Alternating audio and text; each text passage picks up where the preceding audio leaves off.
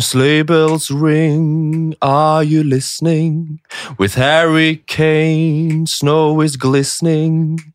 A beautiful sight with Sala tonight. Walking in a winter vardy land. Bam, bam, ba.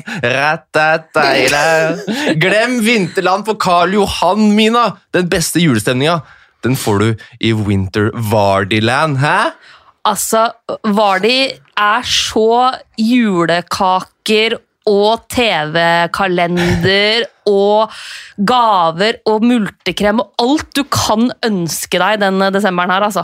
Mm, perfekte adventskalender, da. Ja, Skårer hver helt gang. nydelig. Helt nydelig. Helt nydelig. Det er helt nydelig å ønske velkommen til ny episode av TV2 Fantasy. Helt nydelig at du hører på også denne uka. Det er vi veldig glad for. Og så er vi veldig glad for at det nettopp er jul. Det er to uker til julaften. Og som i alle andre husstander rundt om i landet, så samler man jo liksom familien til jul. Det er litt av greia, og derfor er det veldig hyggelig at Til og med de sorte fårene får lov til å komme. til og med storebror som har flytta hjemmefra, kommer hjem til familieselskapet. Det er godt å ha det her, Simen Stamsemøller. Veldig hyggelig, og øh, jeg har jo savna dere. Men skulle ønske at vi kunne snakke om noe annet enn det forbanna fantasy. Så, så det er ikke noe poeng å spørre hvordan runden din har gått, Simen. Runden min, sesongen min, men uh, For du er litt sånn enten-eller, du. Ja. Enten så er du Ja, ja. på topp, eller så er du bare Humørspiller. Det var jeg da jeg spilte fotball sjøl òg. Humørspiller er jeg i fantasy, og det handler jo litt om eh, hvor mye jeg gidder å legge i det etter hvert. Og så når man kommer på bakkjerka, så begynner man å gamble. Og det, der har jeg kommet for lengst, og ingenting sitter. Ingenting. Men uh, sånn er det jo bare. Man må jo uh, Men du har, eh, du har tatt et lite jafs i Ekspertligaen denne runden her, ser jeg. Denne runden Ja. Hvem har, hvem har klart å drite seg ut, da? Uh, Det er Børrestad. Det er Børrestad, ja. Ja. Ja, Så Nei, du har okay. hoppa forbi han. ja. Men det er stort, det. Ja. Um, Så du har ikke gitt opp? Nei, det er jo, jeg må jo f ta veldig sånn kamp for kamp og runde for runde her nå. For jeg, jeg, kan, jeg, kan ikke, jeg kommer jo ikke til å vinne noe som helst. Men uh, det som er fint med fantasy, er at man kan i hvert fall ikke rykke ned. Så det er bare å gamble og kjøre og ha det gøy. Man kan ikke rykke ned. Ja, for Gambling, eh, Simen. Nå sitter jeg og ser på laget ditt for under 16. Du har gambla på kapteinsvalget, Nei, eller? jeg har ikke det. Jeg glemte hele driten. For det som er greia jeg- Runden før så tenkte jeg nå må jeg gamble. Da tok jeg og satt Lundstrøm som kaptein hjemme mot Newcastle. Det gikk jo ikke bra. Eh, Men så eh, lørdag morgen så hadde jeg rett og slett litt for mye å gjøre. Reising til eh, Bergen, mye å planlegge til sendingen. Vi skulle ha Darren Fletcher i studio, og da hadde jeg en sånn Q&A med han. Jeg har aldri hatt Q&A med noen, og jeg skulle ha det med Darren Fletcher på engelsk 20 minutter. Litt sånn Det er egentlig veldig godt snikskritt, det her. ja, Selv om jeg skjønner, okay. jeg skjønner at det er slitsomt. Jeg Ja, nei, skjønner at det kan være litt sånn stressende. Men det er i hvert fall det er ene og alene det som var grunnen til Ja. at jeg hadde Lundstrøm som kaptein, for det hadde jeg selvfølgelig aldri hatt. Jeg hadde, som alle eh, normale mennesker med Vardi på laget, Mm. satt han som kaptein, og kanskje til og med triple, hvis jeg hadde sett i det hele tatt på Fantasy eh, på lørdag formiddag. Mm. Så det gikk ikke, altså. Det gikk ikke. Men altså Det hadde vært mye verre må jeg si, hvis jeg hadde ligget og kjempa om noe. da. ja. Det er, jo, det er jo det eneste som er bra med dette. Jeg, jeg taper jo egentlig ikke så veldig mye på det, fordi jeg kommer ikke til å vinne ligaene mine uansett. Nei, Så nå spiller du liksom litt for gøy? Du er litt sånn Rosenborg i Europaligaen nå. Ja. Du spiller for eh, ære og erfaring og gode opplevelser. Ja, og for å lære til, eh, til senere, eh, faktisk. Og det som er greia, er at eh, Jeg vet ikke om vi skal snakke noe om Magnus Carlsen i løpet av Vi, vi skal det. Vi skal innom, Da kan vi ta det etterpå. For eh, jeg kjenner meg litt igjen i det han sier. Ja. Eh, Men vi kan ta det etterpå. Hvis jeg... Ta det nå. Vi tar det nå. Ja, for han gjør det jo så skarpt, og han har gjort han det det. skarpt lenge. Eh, og han, det, det er tre ting han sier som jeg kjenner meg igjen i fra da jeg gjorde det bra. Og det er eh, at han baserer det på at han faktisk studerer, at han er ganske strategisk. For i fantasy, hvis man, hvis man legger tid i det, og faktisk går grundig inn i eh, terminlister, statistikker, alt sånn, så kan man vinne mye. Så han, han baserer det på statistikk, på magefølelse. Jepp. Mm. Den er undervurdert. Ja, og så sier han i tillegg at jeg vil ikke ha så mye skryt for noe som i i så stor grad er flaks. da. Mm. Ja. For det er jo faktisk det. Man kan uh, gjøre smarte ting og faktisk spille ganske godt i Fantasy og få lite igjen for det. Så Mm. De tre tingene kjenner meg skikkelig igjen i fra den sesongen jeg gjorde det for uh, tre sesonger siden, da jeg Ja. gjorde det skikkelig bra. Uh, og nå er det stikk motsatt. Nå bruk, får jeg ikke brukt så mye tid på det. Eh, jeg må gamble litt, jeg gjør ikke kloke valg. eh, og jeg er litt sånn desperat. Og jeg har uflaks i tillegg. Da. Da, ja? Da, blir det, da blir det sånn at eh, din uh, plassering Simen, er rundt 1,5 million, mens Magnus Carlsen han er den beste i landet. Tenk på det. Han er nummer fire i verden. Det er mange som har spurt om eh, kan vi ikke få Magnus Carlsen som gjest. Jo, det vil vi veldig veldig gjerne. Ehm, så hvis, hvis du hører på av en eller annen grunn, Magnus, jeg tror ikke du hører på tre idioter som oss, så må du gjerne sjekke innboksen din. For vi vil veldig veldig gjerne ha deg med. Men fram til vi får han i stolen her sjøl, så tenker jeg så jeg tatt en titt på laget hans for å prøve å se om det er et mønster. da. Kan vi lære et eller annet? Det som jeg synes er interessant, er midtbanen hans. Den midtbanen er ingen fra Manchester City, ingen fra Chelsea. Det er Salah og Mané, det er Hongmin Son og Dele Alli. Han er kun Liverpool og Tottenham på midten. Det er ganske jeg synes det er oppsiktsvekkende. På topp så har han Jamie Vardy og Tammy Abraham. Ok, Ganske klassisk, den kunne man forutse. Men Magnus Carlsen satt altså inn Jamie Vardy etter Leicester hadde vært på Anfield. Så da til den første av de åtte kampene Vardy har skåra på rad. Ja, men det er planleggingen, da. Det er planlegging, for da snakker vi om etter Liverpool-kampen, så kommer det et nylig kampprogram. Ehm, men det som er, jeg syns er interessant, er at Magnus Carlsen har ikke hatt Vardy som kaptein en eneste runde Nei. på de åtte gangene. Han har så å si alltid midtbanespiller som kaptein. Ja, for der er det mest å vinne. Mhm. Og Vardy, nå har han jo gjort det noen ganger og, og nå sist, og noen ganger skåret to mål, men det er ikke så ofte. Han skårer veldig ofte ett mål, ikke så ofte, og det er i hele karrieren hans. Ikke så ofte to mål, og nesten aldri hat trick. Så den strategien eh, forstår jeg også. Mm. Hvor du kan, hvis du har Salah, Mané, disse her, så er det potensielt, og uh, Ali og sånn, og også de siste, Mm. så er det potensielt mer å hente. Men er det ikke bare å kopiere laget Hvis man fortsatt har wildcard igjen, da, Mina. Kopiere laget til eh, Carlsen, og så Problemet med den strategien å skulle ko- kopiere de som ligger topp på toppen, er at du får jo alltid da Du har kun muligheten til å kopiere eh, laget deres fra forrige runde. Du veit jo ikke hvilke bytter de har planlagt å ja, gjøre Da ligger du et bytte i- i- etter. da. Hele veien. Men jeg syns det er interessant det med å, å vurdere muligheten for å gå uten Manchester City på midtbane.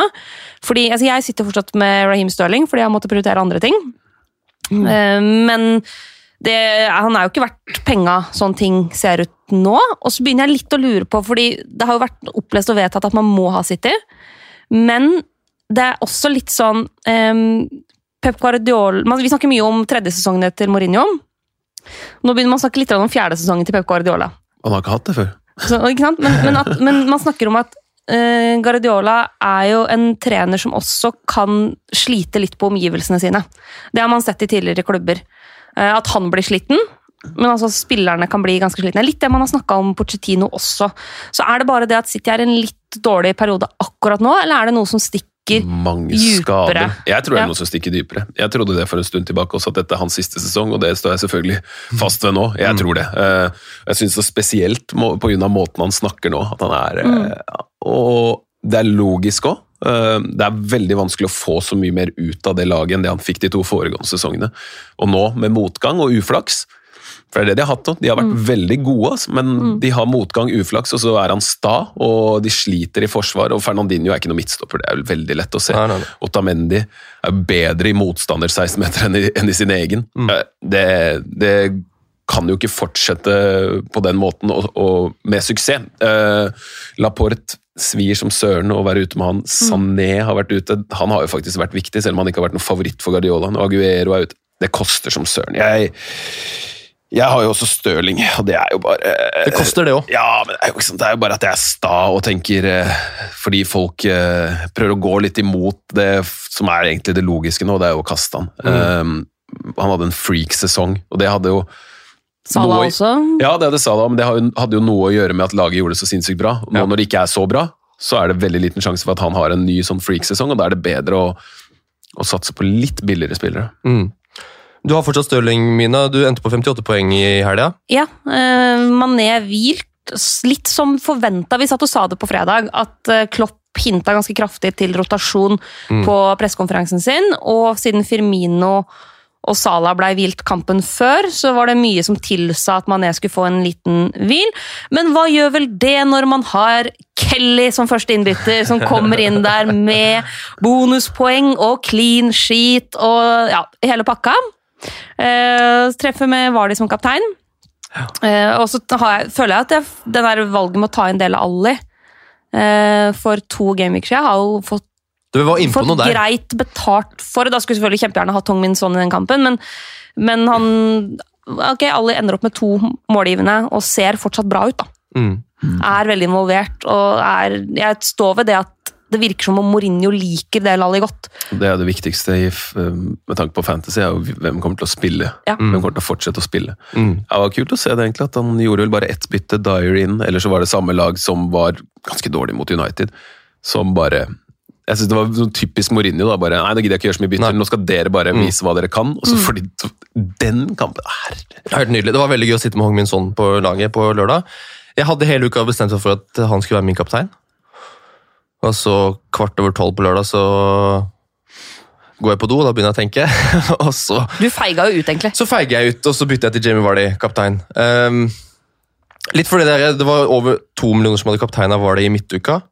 Og tenkte jeg ikke Prøv å være litt safe. Han, altså alt handler om å treffe på kapteinen nå. Um, så jeg får et lite drypp, for jeg pleier ikke å tenke, tenke sånn. Og så ser jeg Tottenham-matchen, og så tenker jeg ah, Er det mulig han har gått den der safe, trygge fella igjen? Jeg skulle selvfølgelig hatt Hong Min Son som kaptein, men så leverte jo Vardø som juling også på søndag. Så det ble 58 po poeng på meg også, Mina. Um, og det er mye å snakke om både i Tottenham og i Manchester City inn mot neste runde. Runde 17, som er til helgen. Det er Champions League i midtuka, så det er en, del ting å passe på der. Og når kampene kommer så tett, både hjemme i Premier League og ute i Europa, så er det spilletid det mye handler om, som vi har vært inne på allerede. Og da, vet du, har jo selvfølgelig vår nerd i hjørnet her borte sett på det, så vi skal inn i nerdhjørnet. Åtte skudd på mål. 22 sjanser skapt. Heatmaps. 10 000 touch innafor 16. Minas nerdehjørne.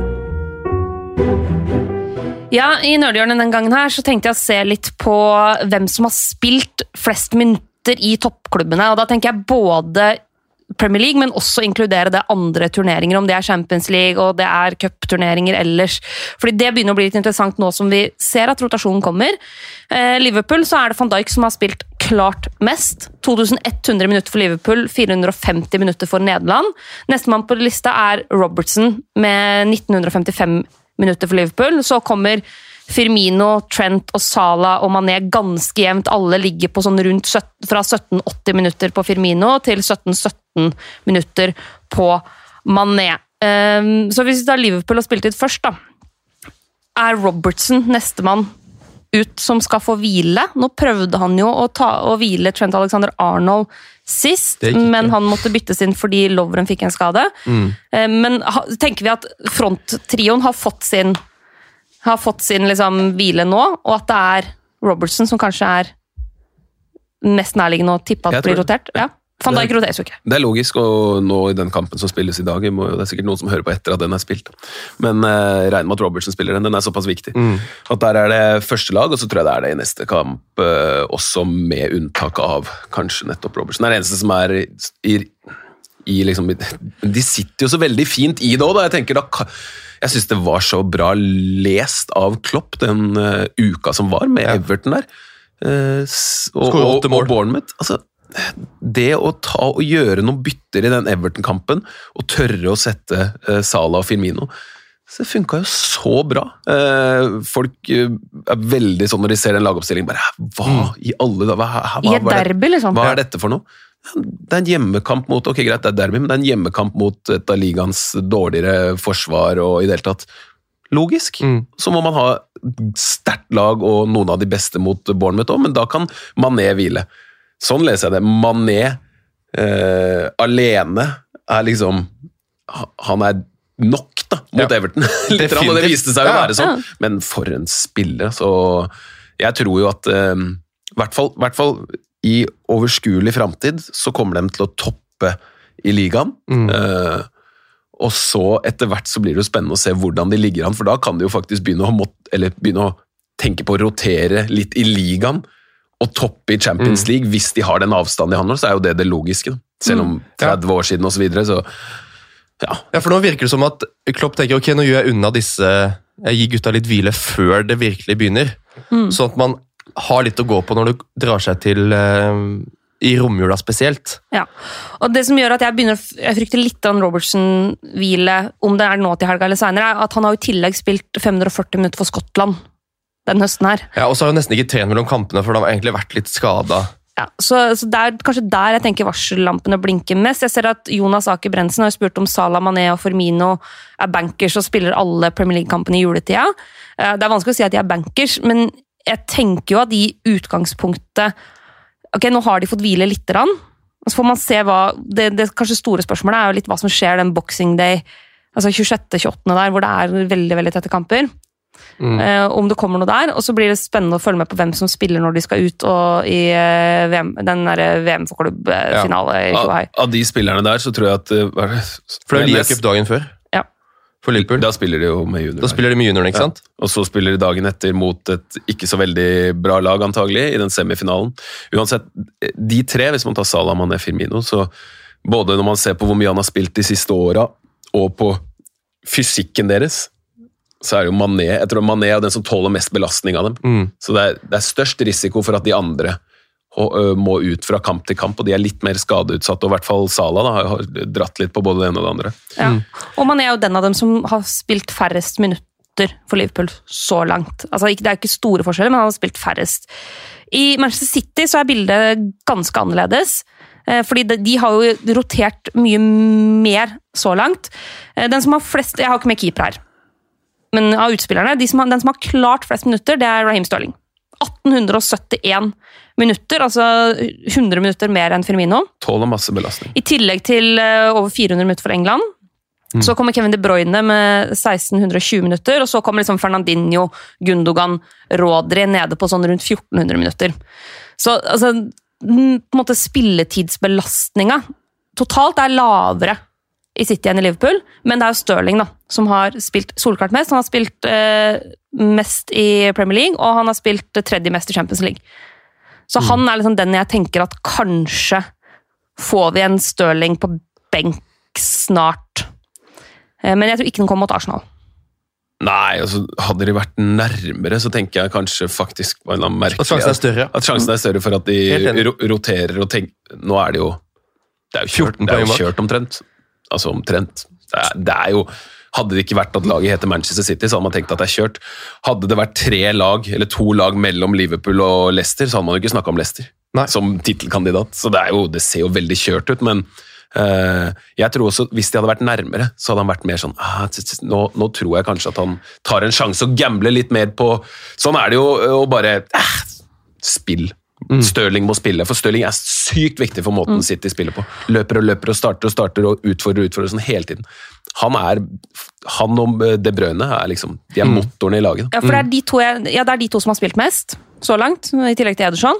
Men det er også de to jeg tenker er vanskeligst for Pep å sette ut av laget nå som det lugger. det. Ja. Nå som det lugger, så er det vanskelig å sette ut dem. Eh, Så ja, jeg syns det er litt vanskelig å gjette, men en mann som jeg likevel kikker litt på, er jo sånn som David Silva. da Starta 13 av 16 kamper.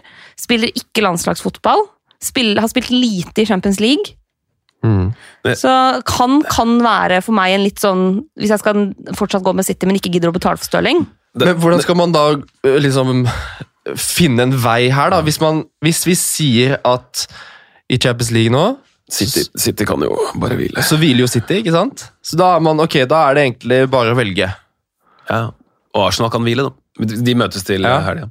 Når jeg ser eh, eh, terminlista og ser toppkampene, så tenker jeg at det er ikke én toppkamp hvor det er større sjanse for at det blir borteseier enn Arsenal-Manchester City. Skjønner du hva jeg mener? Arsenal er så, de er så åpne og så dårlige i forsvar, og Manchester City Og så det at Arsenal kanskje De kommer ikke til å legge seg bakpå på hjemmebane. De må så, jo. Men akkurat, akkurat nå så har det jo jevna seg litt ut. da. Nå tenker jeg at Arsenal kommer til å score i den kampen. Så jeg ville ikke hatt noen forsvarsspillere fra noen av de lagene. Men uh, den tror jeg blir morsom. Den tror jeg blir veldig gøyal, for begge lag er litt sånn i et posisjon hvor det Begge bare må tre, tre poeng. Ja. De må ha tre poeng. Og, og Arsenal har jo ikke det store problemer med at de kanskje har spillere som trenger å hviles nå. fordi der er Den som har spilt mest der, er Aubameyang med 1540 minutter. Eh, Fordi de hviler jo de har jo latt unggutta få lov til å leke seg i Europa.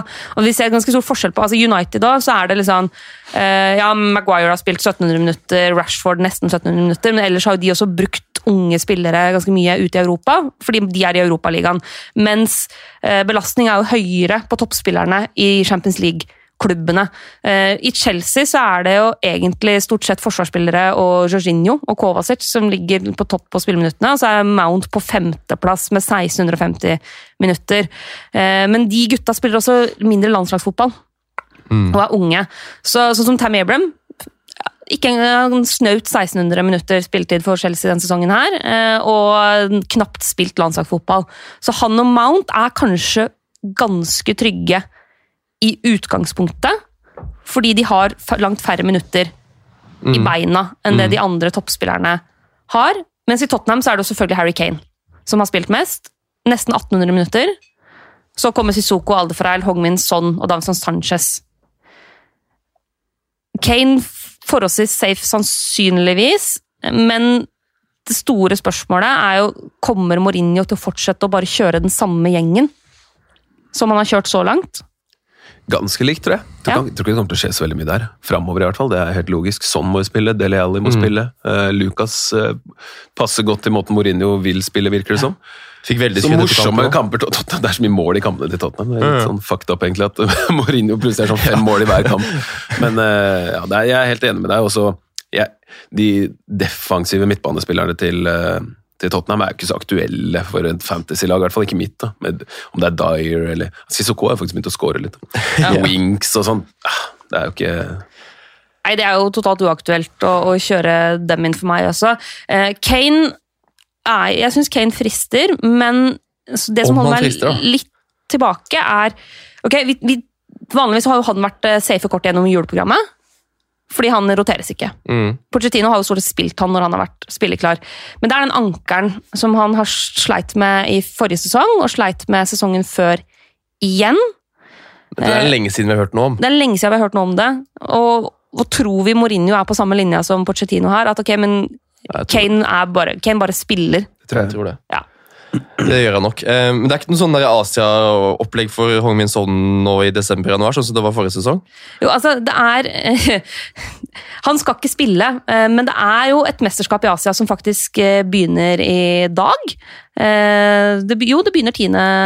10. desember. Det er E EAFFE1 Football Championship, som arrangeres i Sør-Korea. Det er et sånn eh, East Africa Nei, East Asia-mesterskap. Men fordi det er utafor det egentlig internasjonale vinduet til Fifa, så har jo landslaga der satsa på lokale, regionale spillere. Så jeg ser Vi har fått noen spørsmål om det. at Skal ikke Sør-Korea spille mesterskap nå i desember? Jo, det gjør de, men Hong Min Son er ikke med. Ja. Så vi slipper å tenke på at han skal ut og spille for landslag. Da slipper vi det. Så kan du ta alle statsene fra det mesterskapet kan du ta i en bonusepisode, Mina. Um, ok, har vi gått gjennom eh, minutter fra topplagene her. Vi må konkludere med noen uh, ting.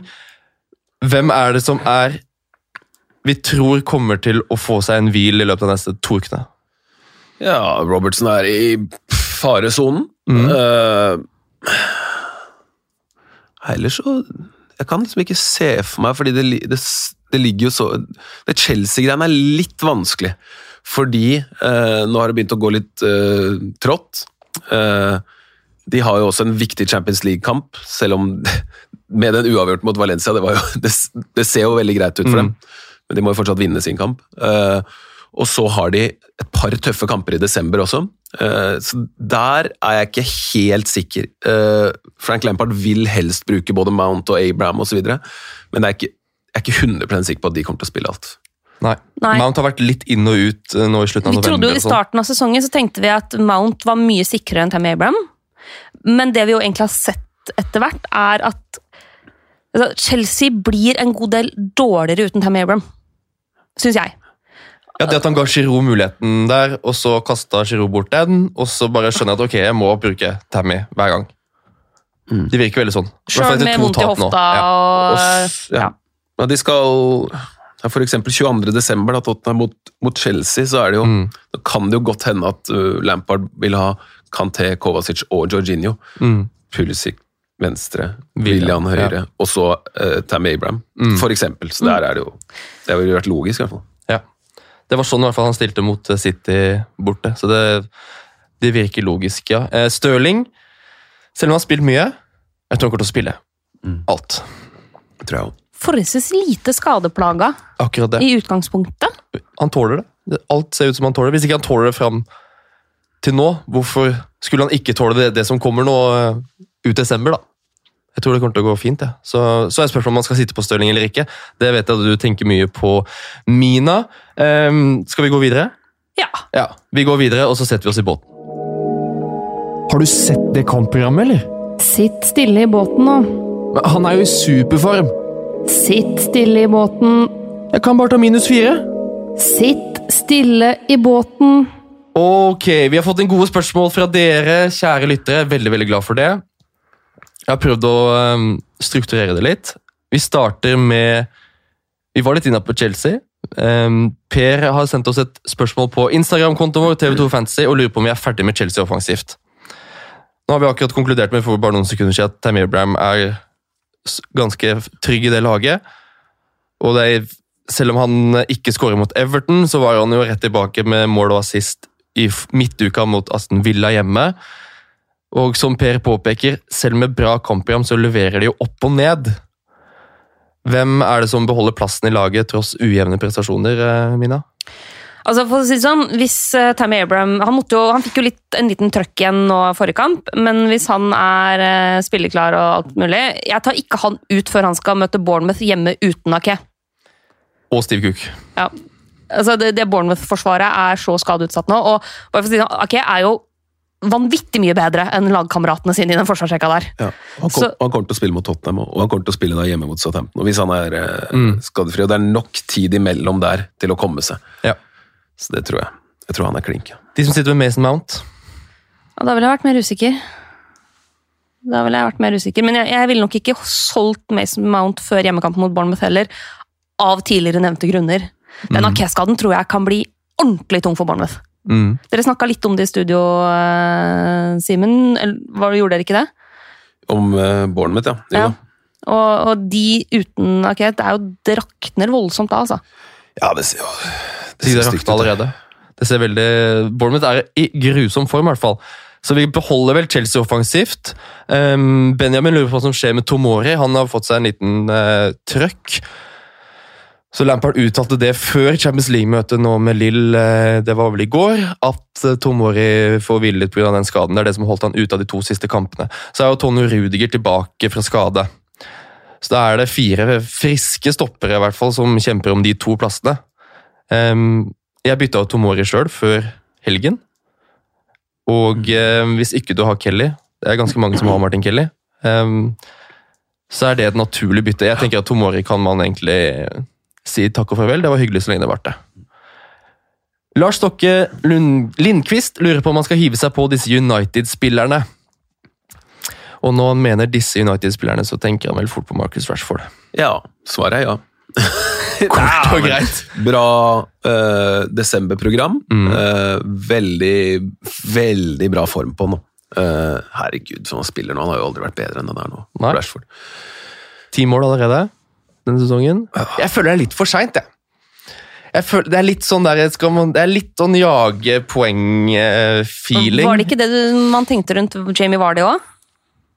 Nei. At det var litt Det synes jeg- det synes jeg er er annerledes. nå? Men ok, han koster 8,9, da.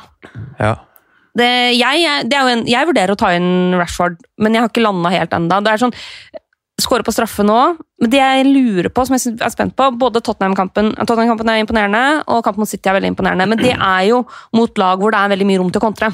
Og det United har altså United har generelt levert ganske bra mot topplagene, men de har, jeg syns de har slitt hele høsten med å klare å skape noe som helst mot etablert forsvar.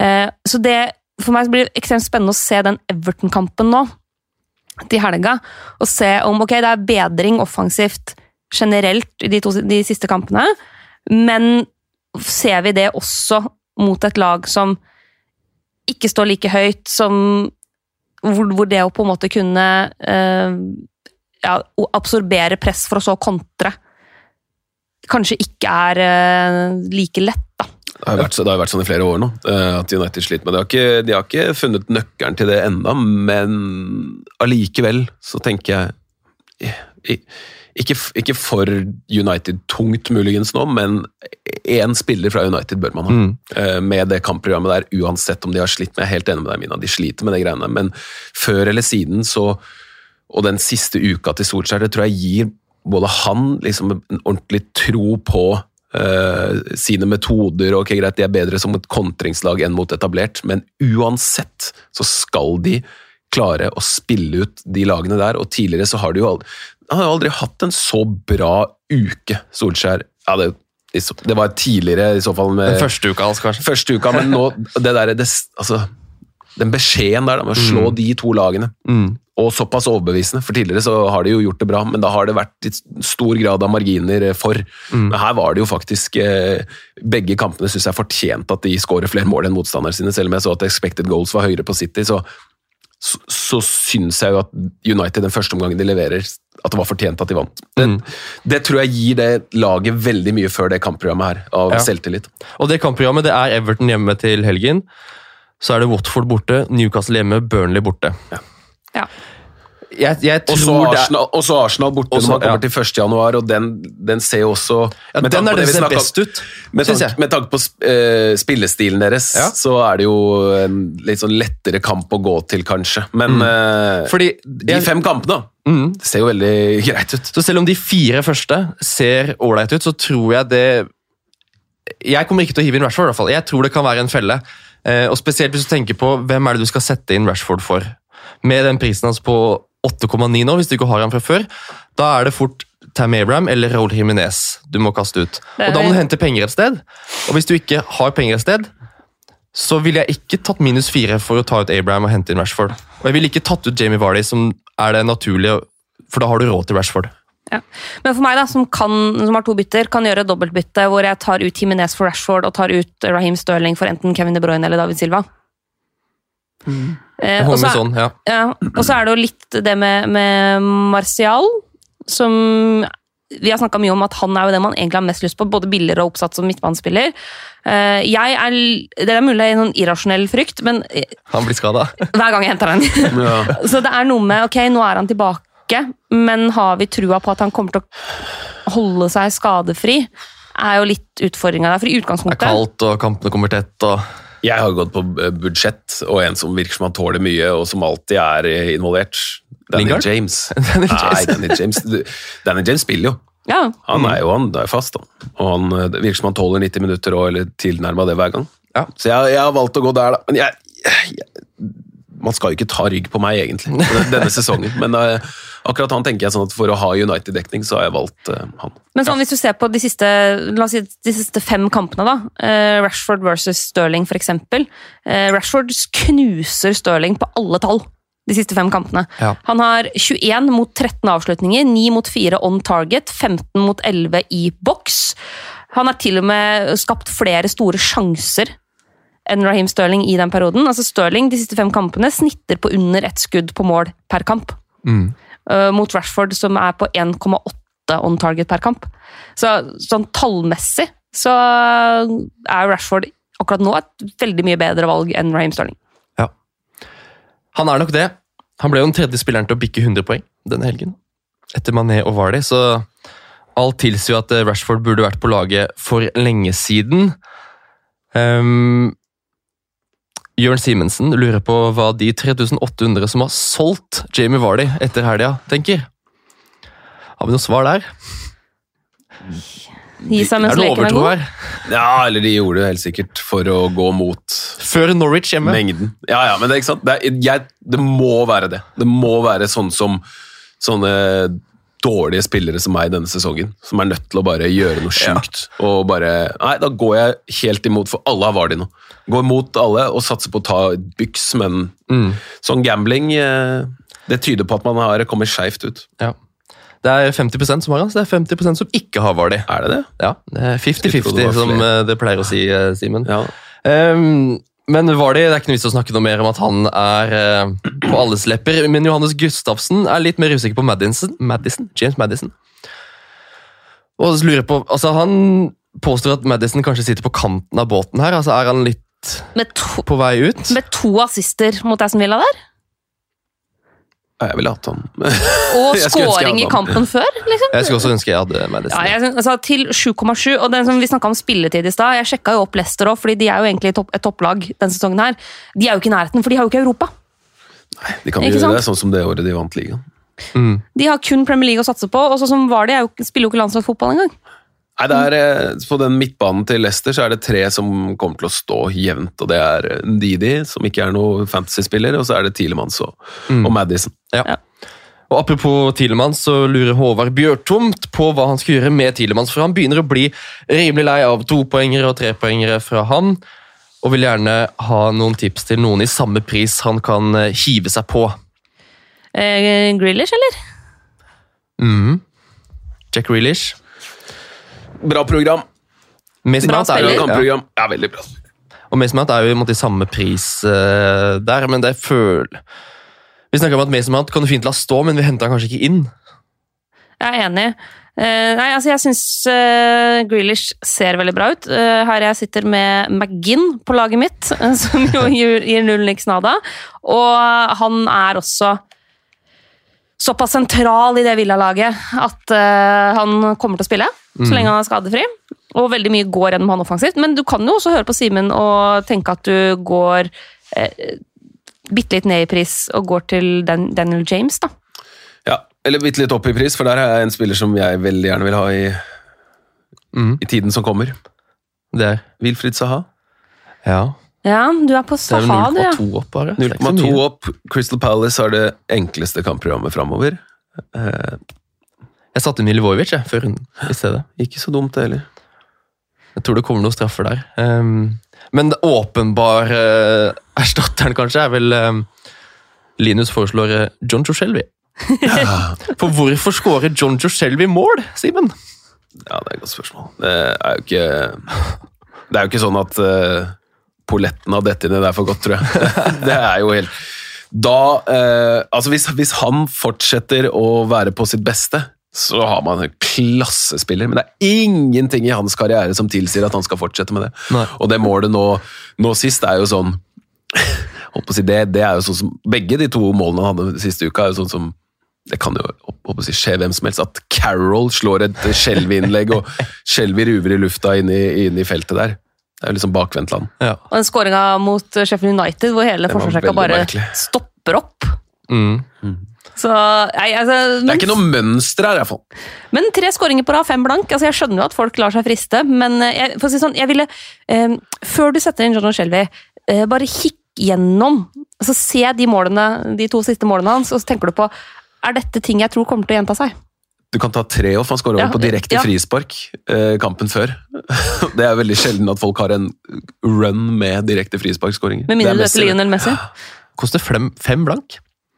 Fem blank. Ja, ja, men det er jo Jeg, jeg, vil, jeg, jeg Vi må ha en buds- budsjettmidtbanespiller på sånn skikkelig budsjett. Jeg, har jo, jeg gikk jo inn med Saka da Emery begynte å bruke han. tenkte jeg sånn, ja, men pff, Det er sikkert ingen som tenker sånn, men eh, det var Jeg jo en sånn, ja. til det. Eh, Vi har han, har, vi har han alle tre her. Å, Ja, ja. seriøst? Men nå, den nye Familien tenker likt. Den nye budsjett-Arsenal, hvem er det? Martinelli, ja. Han er så god, han. Han ser så bra ut. Er. Herlighet! Han tror jeg kommer til å fortsette å spille en del. Ja. Men eh, Men vi lar kanskje Shelby sitte uh, ute av laget vårt.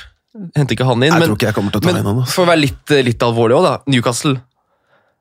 Er det noen vurd som vurderes derfra? Altså Kanskje i forsvar her, da? Fernandes skårer ja, igjen. Ja, det er jo de som skårer mål, da. Forsvarsspilleren og Mhm. Shelby. Uh, Fernandes mest eh, aktuelle, muligens. ja. Koster 4,4. Det er jo mulig å det er, det er, Man kan sette dem på blokka, i hvert fall. Ja. Det kan man gjøre. har vel noen Um, tøffe kamper der. Eh, Eh, Burnley og Crystal Palace kommer nå, så kommer United, Everton, Leicester, Wolverhampton, Chelsea. Så det er jo litt sånn blanda drops, må man kunne si. ja, det er ikke like bra som uh, Burnley borte, Crystal Palace hjemme. Det høres ut som kamper Litt sånn 0-0-kamper. Ja, det er veldig Palace. Eller 1-1. Eller 1-1, ja. Ja. klønes inn et mål i hver ende der. Ja, det er sant. Eller Sa har skåret kjempemål, og så Mm. Ja, Vi kan ta med Newcastle på, på blokka vår. De havner kanskje ikke på, like høyt på ønskelista som Crystal Palace-spillere. så Det er kanskje de vi liker aller best. Eh, Men det er flere midtbanespillere som også eh, melder seg på nå. Sebastian eh, lurer på om han skal få inn Richarlison. Ja. Skåra to på rad. Er, jeg er veldig veldig spent på å se hva som egentlig skjer nå i Everton. Både på trenerfronten og var den, var den Chelsea-kampen et blaff? Eller var det fordi det, det har vært veldig rart med Everton hele sesongen, her, for de har jo veldig mange spillere som har veldig, holder veldig høyt nivå. Altså, de har jo kvalitetsspillere i flere ledd, egentlig, men det har bare ikke fungert på noe som helst måte ute på banen. Så jeg er veldig spent på å følge med der. Jeg kommer ikke til å hive inn Richard Richarlison umiddelbart. Det gjør jeg ikke. Han har jo faktisk skåra i tre kamper på rad. Um, og hvis man skal Det er et tynt grunnlag med bare den Chelsea-kampen, det kan jeg forstå. Men hvis man prøver å bruke det faktisk som et grunnlag, så er det jo United borte og Arsenal hjemme på de to neste. Det er jo to kamper som kan ligne ganske bra på den Chelsea-matchen. Hvor det skal uh, trykkes, og det skal kriges, og det skal løpes. Men hvor Everton ikke er favoritter i noen av dem. Mm. Passer dem vel godt? Eller den Arsenal Det er hjemme, det er Arsenal hjemme. Mm. Ja, Den er jo ganske åpen. Eh, Og så har de City kommer 1. januar. Mm. Newcastle borte. Ja eh, Jeg tror ikke jeg Det er ikke noe for meg. Nei. Eh, Men det er fordi at jeg stoler ikke på Everton. Jeg syns jeg er enig i at de har bra lag, men nå, det, var, det var én kamp Ja. liksom, hvor de leverte bra, og så kommer Calvert Lewin antagelig til å fortsette, og så er det ikke sikkert at de, når de spiller disse Altså, Å gå med to spisser Mm. mot, uh, mot Chelsea hjemme er én ting. Jeg tror ikke de kommer til å gjøre det borte mot United. Så vi kan følge litt med, men vi friskmelder verken Calvert Lewin eller Everton helt ennå, tror jeg vi kan uh, si. Um, men det er gøy å følge med. Det er gøy å få litt flere spillere opp på blokka her. Det er gøy å få brutt den der midtbaneleddet som veldig, veldig mange har. Og uansett hvor mye man ønsker å krydre den midtbanen litt, så er det veldig, veldig vanskelig å komme utenom Tottenham på den midtbanen. René Johansen han vil at vi skal rangere hvem som er viktigst å ha på laget av Harry Kane, Dele Alli, Hong-Min Jeg har jo gått for Dele Ali. Det var litt budsjettspørsmål. Og, altså jeg har jo kjempelyst på Hongminson, men Dele Ali er billigere. Mye billigere. Og litt fordi jeg syns han så bra ut, egentlig. Og for, for å gjøre noe litt annerledes. Men jeg, skulle, jeg har kjempelyst til å få inn Hong Min Son. Så du setter Kane nederst? Det er det du gjør, da? Ja, da, jeg hører jo at det er det. Ja. Det er veldig rart, men ja. Åh, det er jevnt, altså. Jeg synes Det er tydeligvis et veldig godt spørsmål, for jeg sliter med å svare på det. ja, det er ganske godt spørsmål. Jeg har sånn eh, øverst på den rangeringen der. Um, godt, altså Mye fordi jeg har han i laget, men under Mourinho er det en trend på at sånn har også blitt mye mer skapende. Han har hatt en høyere det som er expected assist enn expected goals i de kampene. Og så når han likevel kan bare gå fra egen 16 Når han har det innenfor repertoaret også, og han i tillegg er mer skapende offensivt, så er det bare en totalpakke som Ja, hvis, trumfer det aller meste. hvis han blir en enda bedre tilrettelegger mm. og ser enda mer etter andre. For han har jo, i hvert fall tidligere i Tottenham-tiden sin, vært veldig rett på mål, type, mm. som går for det selv, liksom. Men uh, ja, jeg er veldig glad for at jeg har han. Jeg kommer aldri i verden til å ta, ta bort han nå. Nei. Så, hvis vi skal Sånn øverst. Ja, det tror, jeg tror jeg blir med på det også. Det er jo veldig rart å sette Kane nederst, men det, det blir vel fort det. Ja, jeg er nærmere å sette inn Kane enn å sette inn Del Alli, da. Kane Ja. er neste plan for meg. ja. Å få inn han. Ja, men jeg, jeg stoler jo mer på Kane enn jeg gjør på Alice. Ali, så jeg kan, godt, ta, jeg kan godt være med deg på det. Mm. Da klubber vi jo ned mine her. Ja. Altså Forskjellen er jo da at Kane koster 10,9, Ali koster 8,7. Det er akkurat det. Det er jo det. Altså Det er jo et litt sånn budsjettspørsmål, da. For um, hvis vi holder oss på midtbanen først, da, så er jo eh, per.msf skriver på Instagram om man kan ofre Liverpool offensivt for Del Alli og Hong-Min Son. Så kan man jo ta med i bakhodet her at Liverpool etter Watford er hjemme nå til helgen, så spiller de ikke rundt 18, for da er det jo i klubb-VM. Mm. Kanskje ikke akkurat denne uka, Nei, altså, er uka å ofre en uthvilt i gåstegn Mané. for han skal ta imot Watford. Mm. Men, uka, men i runde 18 her så er det jo Tottenham-Chelsea. Ja. Det er litt tricky, den. ja. Det er mer aktuelt neste uke. Definitivt. Selv om de møter Chelsea. Ja, jeg syns det er også å, å ta inn hvis det er det det er. Det er jo mer aktuelt, men jeg, jeg tror ikke jeg hadde gjort det. Jeg tror ikke jeg hadde gjort hvis jeg, jeg skulle ønske at jeg hadde Mané, liksom. Men sånn er det ikke. Eh, så da hadde det eventuelt fått blitt et problem for neste uke. Uh, og så har Liverpool Ja, de har Leicester. Men Liverpool er sånn Mané er konstant, vet du. Mm. Ja. Det er det som er greia. Han, han kommer til å fortsette å leve, det er jeg helt sikker på. Mm. Ehm, Ikke denne uka. ikke denne uka. Vi ofrer ikke med det første. Liverpool kommer til, og det toget der, det tøffe videre, det vet du. Kanskje New Invincibles. Kan være. De har mer å gå på De har mer enn det de har vist til nå. De har hatt noen kamper hvor det har vært helt outstanding, men jeg tror de, de kan bli enda bedre. Mm. Vi skal holde oss litt på Hong-Min for Jan Vegard Lisle lurer på hvem vi vil hatt av Hong-Min og Kevin De Bruyne i jula. Oh, eh, Du har ingen av dem, Mina? Jeg har ingen av dem. Det kan hende at det endrer seg i løpet av uka. Hvis jeg skal selge Stirling, så er jo begge to kandidater inn på laget, for å si det mildt. Av de to akkurat nå, og med tanke på programmet framover, så ville nok jeg valgt Tongmin Son. Eh, sånn ting er akkurat nå. Mm. Eh, Men det er litt prega av de her kampene til City i det siste. Men eh, City har jo nå da Ok, de har Arsenal og Leicester, så har de Wolverhampton, Sheffield United og så Everton 1. januar. Tre medkamper og en bortekamp mot Arsenal. Ja. Og så er det mm, Tottenham med Wolverhampton, Chelsea, Ja, Brighton, Norwich og Southampton. Den der rekka med Brighton, Norwich, Southampton, Ja. den eh, er jo fristende. Og, men altså, Chelsea slipper jo til mye. ja. Ja, De evner jo ikke å forsvare seg. eh, Og har i hvert fall ikke klart det, klarte ikke det mot Everton. Jeg ville hatt det brødet. Tror jeg. Jeg tror det. Men Fordi- det, jeg bare syns han i, i hver eneste kamp så skaper han ting. Eh, men jeg Nei, jeg, det, er, det er så jevnt. Altså. Det, jeg liker å ha sånn, men eh, jeg kommer ikke til å gjøre det byttet, tror jeg. Men det er på grunn av altså, Men hadde jeg hatt et wildcard nå, så tror jeg det er større sjanse for at jeg hadde hatt det Bruyne på det laget enn sånn.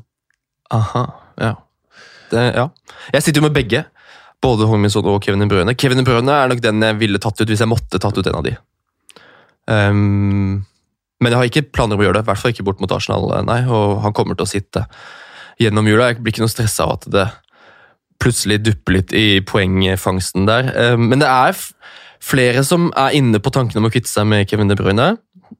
Ja, Han kan jo faktisk finne på å synke faller i pris, i løpet av uka. folk er litt sånn utålmodige her. Eh, Øyvind fremgår Fiksen lurer på om det er på tide å vurdere å ta ut Kevin De Bruyne. For han syns det er mange andre spennende alternativer. Eh, Som man kan spare mye på. Da nevner han jo Madison, Alley og til og med Richarlison i den rekka der. Og Terje Kleppe føler at man, man trenger egentlig noen spillere fra City nå. Ref. Magnus Carlsen. Ingen spiller fra City. Jeg står med De Bruyne. Jeg kommer til å gjøre det last og brast gjennom jula. Ja, det hadde jeg gjort nå. Men jeg skjønner at folk altså Jeg kan forstå at folk begynner å bli litt utålmodige. Nå er det, det er to skåringer på de siste seks kampene, og ingen, ingen assister på de siste seks eh, kampene. Det er jo egentlig det som er oppsiktsvekkende, egentlig.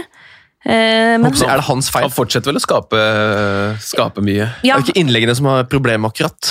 Nei, altså han, han skaper eh, kjempemye. Eh, hvis du ser på de siste, siste fem kampene, liksom, så ligger han jo fortsatt høyt på delt andreplass på store sjanser skapt, eh, helt i toppen på attempted assist, eller forsøk på assist, i tillegg til at han jo skyter mer enn det han har gjort tidligere. Det er bare tre spillere som har flere avslutninger enn han de siste fem kampene, og det er liksom Rashford, Vardy, Jimenez. Så altså, de underliggende tallene syns jeg egentlig er forholdsvis greie. Ja. Så, Ja, ja, og vel så det. Ja, Men også med tanke på, på potensialet for mål. da. Mm. Han skyter veldig mye utafor 16. da. Ja. Jeg tror man skal være litt um, altså, De Bruyne har hatt en høyere eierandel hele sesongen, uh, egentlig, men det er først nå litt når det begynner å, folk begynner å selge han litt. Han koster fortsatt Altså 10,2 er, ikke, er ikke, fortsatt ikke dyrt, syns jeg. Um, så jeg, det er en sånn, jeg tror man skal tenke at uh, det er ikke en spiller du trenger å være utålmodig med. Hvor mange er det som spiller fantasy? Syv millioner. Det er sikkert ganske mange av de som har et sånt dødt lag nå, som bare har satt opp det brødene tidlig i sesongen, og så bare har han høy, eh, høy eierandel. 39% har han eh, på laget. 39 ja. Mm. ja, nei, det er jeg ganske sikker på at det er mange av de som uh... Jeg tror det er lurt å bolle han, Jeg kommer til å bolle Ja, jeg, kom, jeg endrer i hvert fall ikke mening etter du, det du sa nå, Mina. For det, det backer opp det jeg trodde jeg hadde sett. Ja, Mm. det er så fint når tall og øyetesten spiller sammen. Men det er en trend da, eh, nå inn mot jula at man man har kanskje satt, spesielt i november, med liksom der Liverpool leverer, City leverer, eh, Leicester er jo i fyr og flamme fortsatt, så er det mange av de samme spillerne som har levert Mané og var det først og fremst. da. Sikre kapteinsvalg, alltid. Og mange sitter jo med en lyst til å gå litt utafor boksen og må tenke litt eh, annerledes for å klare å nærme seg Magnus Carlsen på topp der. Um, så vi har fått et ganske godt spørsmål fra Magnus Forsberg, tidligere gjest og god venn av uh, podkasten, som han gjerne vil ha diskutert. Um, han sier at det begynner å bli en ganske omfattende template, altså veldig sånn standardlag, um, med mange av de samme spillerne. Veldig mange sånne must-haves. Du må ha den, du må Ja. ha den. Så av spillerne med høy eierandel, de populære spillerne, altså snakkisene nå, hvem skal man gå uten? Så jeg tenker at vi kan ta de fem spillerne i hver lagdel med høyest eierandel, og så skal vi velge to. Ja, Så hvem, hvem er det vi ofrer, da? Så For du kan tre stykker man da går uten i forsvar. Lundstrøm, van Dijk, Trent Alexander Arnold, Martin Kelly, faktisk, og Andy Robertson. Velg to av de. Skal vi velge to av de? Eh, da velger jeg uh, Lundstrøm og eh, eh, Trent Alexander Arnold. Uh, jeg har jeg, jeg er jo enig, egentlig. Uh, men jeg syns det er en helt reell diskusjon nå om man må ha Liverpool defensivt, eller om man heller kan bare gå for Leicester. Med tanke på at Liverpool ikke har kamp i runde 18, Mm. Og holder mindre Ja, eh, han er vel dyr også, Trent Alexander Arnold. Ja, de holder jo ikke Dyreste forsvarsspilleren, han. Ikke sant? Fordi no, De to neste etter topp fem er jo Sjonsju og Pereira. Ja. Så jeg tenker i utgangspunktet, prismessig, at man kanskje kan gå uten Liverpool defensivt, og heller da legge egga i Leicester-kurven, som jo holder nullen oftere enn Men, Liverpool. ja. Men det gjør du ikke før Liverpool med møter Watford hjemme nå. Nei. Så da blir det fort i neste runde. Da har Leicester allerede spilt mot Norwich, Mm. og så skal de møte City og Liverpool på de to neste. Ja, det er jo ikke Det lukter jo ikke clean shits. Så det er noe med timingen eh, der. Men hvilke to velger du, Mina? Eh, nei, vet du hva, da velger jeg fakt... Jeg velger eh, Lundstram fortsatt. Og så velger jeg Vet du hva, da går jeg for Martin Kelly. På grunn av pris. Stjeler du manuset mitt? Ja. Skulle akkurat velge det samme. Kelly og Lundstrøm. 4,3. Fint Så program. sorry, Liverpool boys.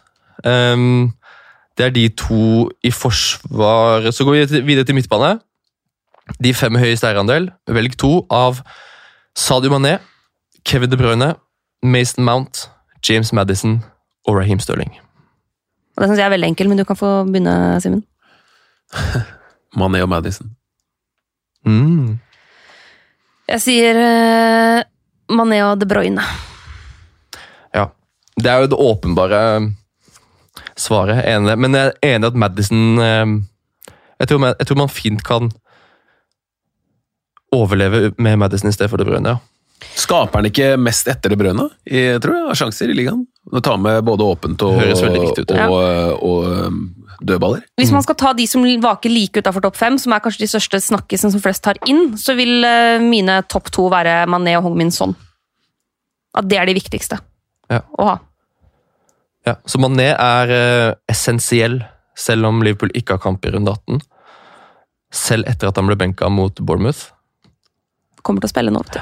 På topp, de fem med høyest eierandel er sørge for, eh, bare, Mm. må sørge for å ha, hvis man har en liv, hvis man har Mané, da, så må man kanskje tenke på den femte mann på midtbanen, at han spiller den runden. Det er jo Mm. logisk. Eventuelt at du har en forsvarsspiller som kan, altså kan gå Ja, over til eh, 4-3-3, for eksempel. Da.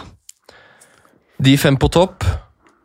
Velg to av Jamie Vardy, Tammy Abraham, Marcus Rashford, Pierre-Emerick Aubameyang og Raoul Himnes.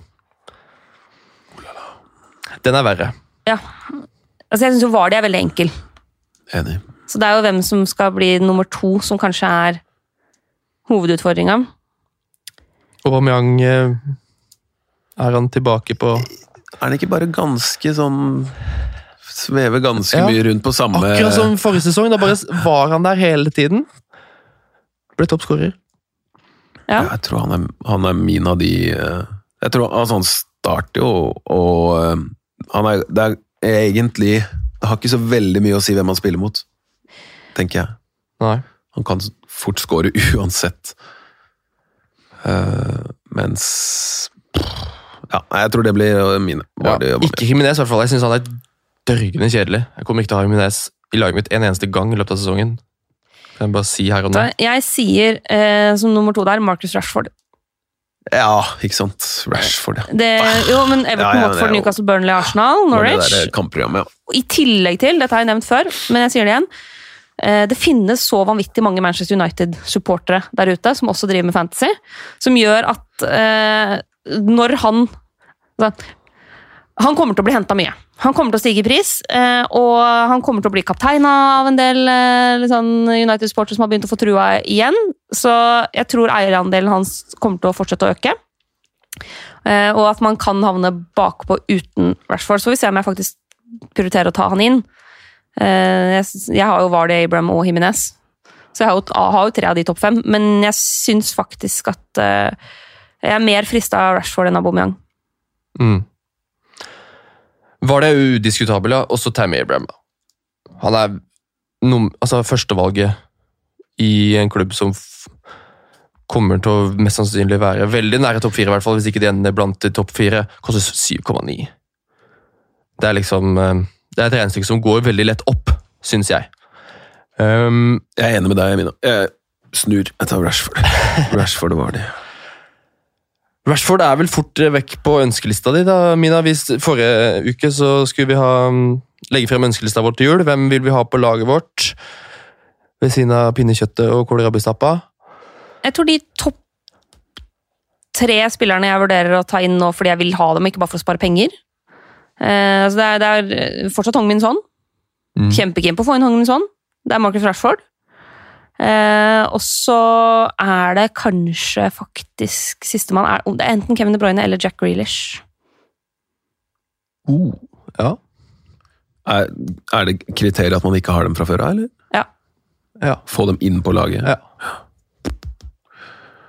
Uh, Rashford? Uh,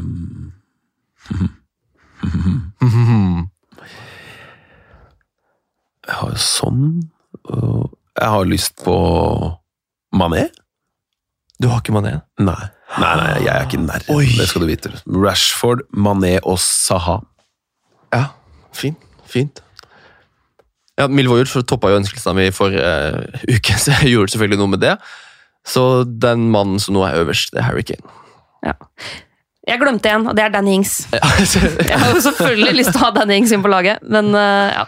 Men Kane, enig. mm, Det kommer et julehattrick. Ja. ja. Jeg har jo Gabriel Jesus.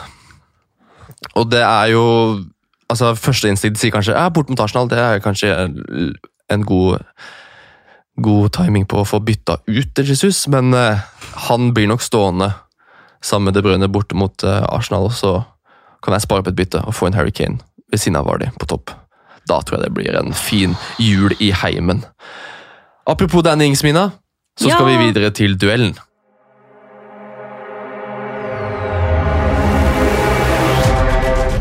Nei, nei, nei, nei! Nå er du helt på bærtur! Det er jeg helt uenig i! Mener du det? Duellen. Og eh, Ruben Lie Monsen har et veldig veldig godt forslag, for han syns det hadde vært veldig spennende med en duell mellom to spisser fra billigkroken, og har foreslått Neil Mopai mot Danny Ings. Og vet du hva, Ruben? Det skal du selvfølgelig få. Hvem Altså, begge er jo ganske like i eh, pris. Billigspisser som kan eh, frigjøre en del gode penger til eh, resten av laget. Dannings har skåra ni mål denne sesongen. Mopai har skåra seks. Og Sånn sett er det din store kjærlighet, Mina, som leverer der. De er ganske lik på expected goals. Ings har 6,99, altså 7 expected goals. Mopai har 6,5. Og så, hvis vi ser litt på skudd Dette er totalt i løpet av sesongen. Mopai har flere skudd, både på mål og i boks. Mopai har 49 skudd mot Ings 36. Mopai har 17 skudd på mål mot Ings sine 14. Og så, det som kanskje er mest interessant, skudd i boks. Dan Ings har 27. Mopai har 40. Oi. Det er ganske interessant. Så jeg vet at Dan Ings er nært til ditt hjerte, Mina, men Mopai er vel eh, Basert på tallene, som jeg vet at du eh, forelsker deg fort i. Vurderer du Mopai over Ings? Uh, i, nei, jeg gjør fortsatt ikke det, altså. Men det handler litt om form nå. Eh, så vi skal tenke den, hvordan de har sett ut i de siste kampene. Jeg, sy- jeg syns jo for så vidt Mopai er et spennende valg. Uh, og uh, et bedre valg enn jeg ville gjetta før sesongen, for å si det mildt. Eh, men jeg syns Brighton har vært bra. Over tid. Altså, det, det har variert litt hvor mye poengfangst de, de har fått, men jeg syns at de har liksom blitt litt revitalisert denne sesongen her. Mm. Og det er ikke Mopai det dummeste man kan se for seg, altså. Hvis man skal tenke, hvis man skal gå litt inn på eh, mentalitet her Dan Ings har en eierandel på 11,1 Og Pai har 1,1. 1,1! Der har du svaret ditt. da. Blir det jo han. Koster 5,8. Ja. Jeg, Ings jeg, jeg, jeg, tror jeg, så vidt det er ikke veldig stor forskjell her. Altså. Men uh, Mopai eller Mopé Jeg er litt Ja. usikker der. Han velger jeg. Ja, jeg tror faktisk jeg hadde tatt en liten risk eh, på Mopai der. Ja, nei, altså jeg, men alle veit at jeg er jo ikke nøytral i Ja, dette ja, ja. spørsmålet på noen som helst måte. Det er du definitivt ikke. Um, men det er gode, gode alternativer, begge to, inn mot uh, jula. Men det er vel ingen av de som kommer inn på laget til neste runde. Simon. Simen, Har du bestemt deg for byttene du skal gjøre? Uh, ikke helt, uh, men jeg har jo eh, Pukki fortsatt, da. Uh, Så har jeg Stirling fortsatt. Men Ja. akkurat det er den Arsenal-kampen som, som gjør at jeg kanskje sitter med, med Stirling. Men jeg har to bytter, så jeg, jeg kommer antagelig til å fikle litt nå, altså. mm, Klok av skade, så blir det. Det blir Ikke Lundstrøm som kaptein, heller. nei. Det skjønner jeg. Det kan jo man forstå. Um, Mina, dine bytter, da? Det kan nok være at Stirling ryker, eh, men jeg har ikke helt bestemt meg for eh, hvem som skal inn og ut, om jeg skal bruke to bytter eller ett bytte enda. Men, Dere er så fornuftig, dere. men det er jo fordi det skal spilles Champions League i kveld, det skal spilles Champions League i morgen, det skal spilles Europa League på torsdag. Og ja. dette må vi bare lære oss, at, å ikke gjøre bytter før det er spilt kamper i Europa. Det er sant. Når, når det er sagt, så er det jo få lag som har noe å tenke på. Altså, Arsenal må vel unngå å tape 4 eller 5-0 mot Standard Liège. Ja. Uh, eh, Chel aldri. Chelsea og Liverpool har jo viktige kamper, da. Ja. Ja. Men uh, de to andre, Tottenham og City, kan, kan hvile litt folk og sånn. De kan cruise godt igjennom. De. United også. Mm, Ja. Det er jo gruppeseieren, men de kan jo bytte ut halve laget, iallfall. mm. Så det kommer nok til å bli Jeg, jeg tror vi får en Jeg tror ikke det skjer noen store greier i midtuka. Uh, men uh, det skjer jo my, det er mye stort til helga når Liverpool skal møte Watford hjemme. Wolverhampton vel også, kan vel også hvile. De er videre. Det også. Um, Chelsea er hjemme mot Bournemouth. Leicester er hjemme mot Norwich. Så En ting er jo kapteinspørsmål, men um, som Linus foreslår her, skal man triple captain Jamie Vardy hjemme mot Norwich? Altså, jeg Istedenfor at å gå på den der dobbeltrunde rotasjon-blemma, hvor du, du får tre poeng på triple captain. Jeg fikk seks poeng på triple captain i forrige sesong, Gjorde du det? Ja. så Det frister jo. Det gjør jo det. Med Vardy, triple captain mot Norwich. ja, det er mer å hente seinere. Ja, jeg vil, Det er mer mer å hente senere, og det er veldig mange av de du spiller mot som kommer til å ha Vardy som kaptein. Så at du får si at han antagelig skårer ett mål.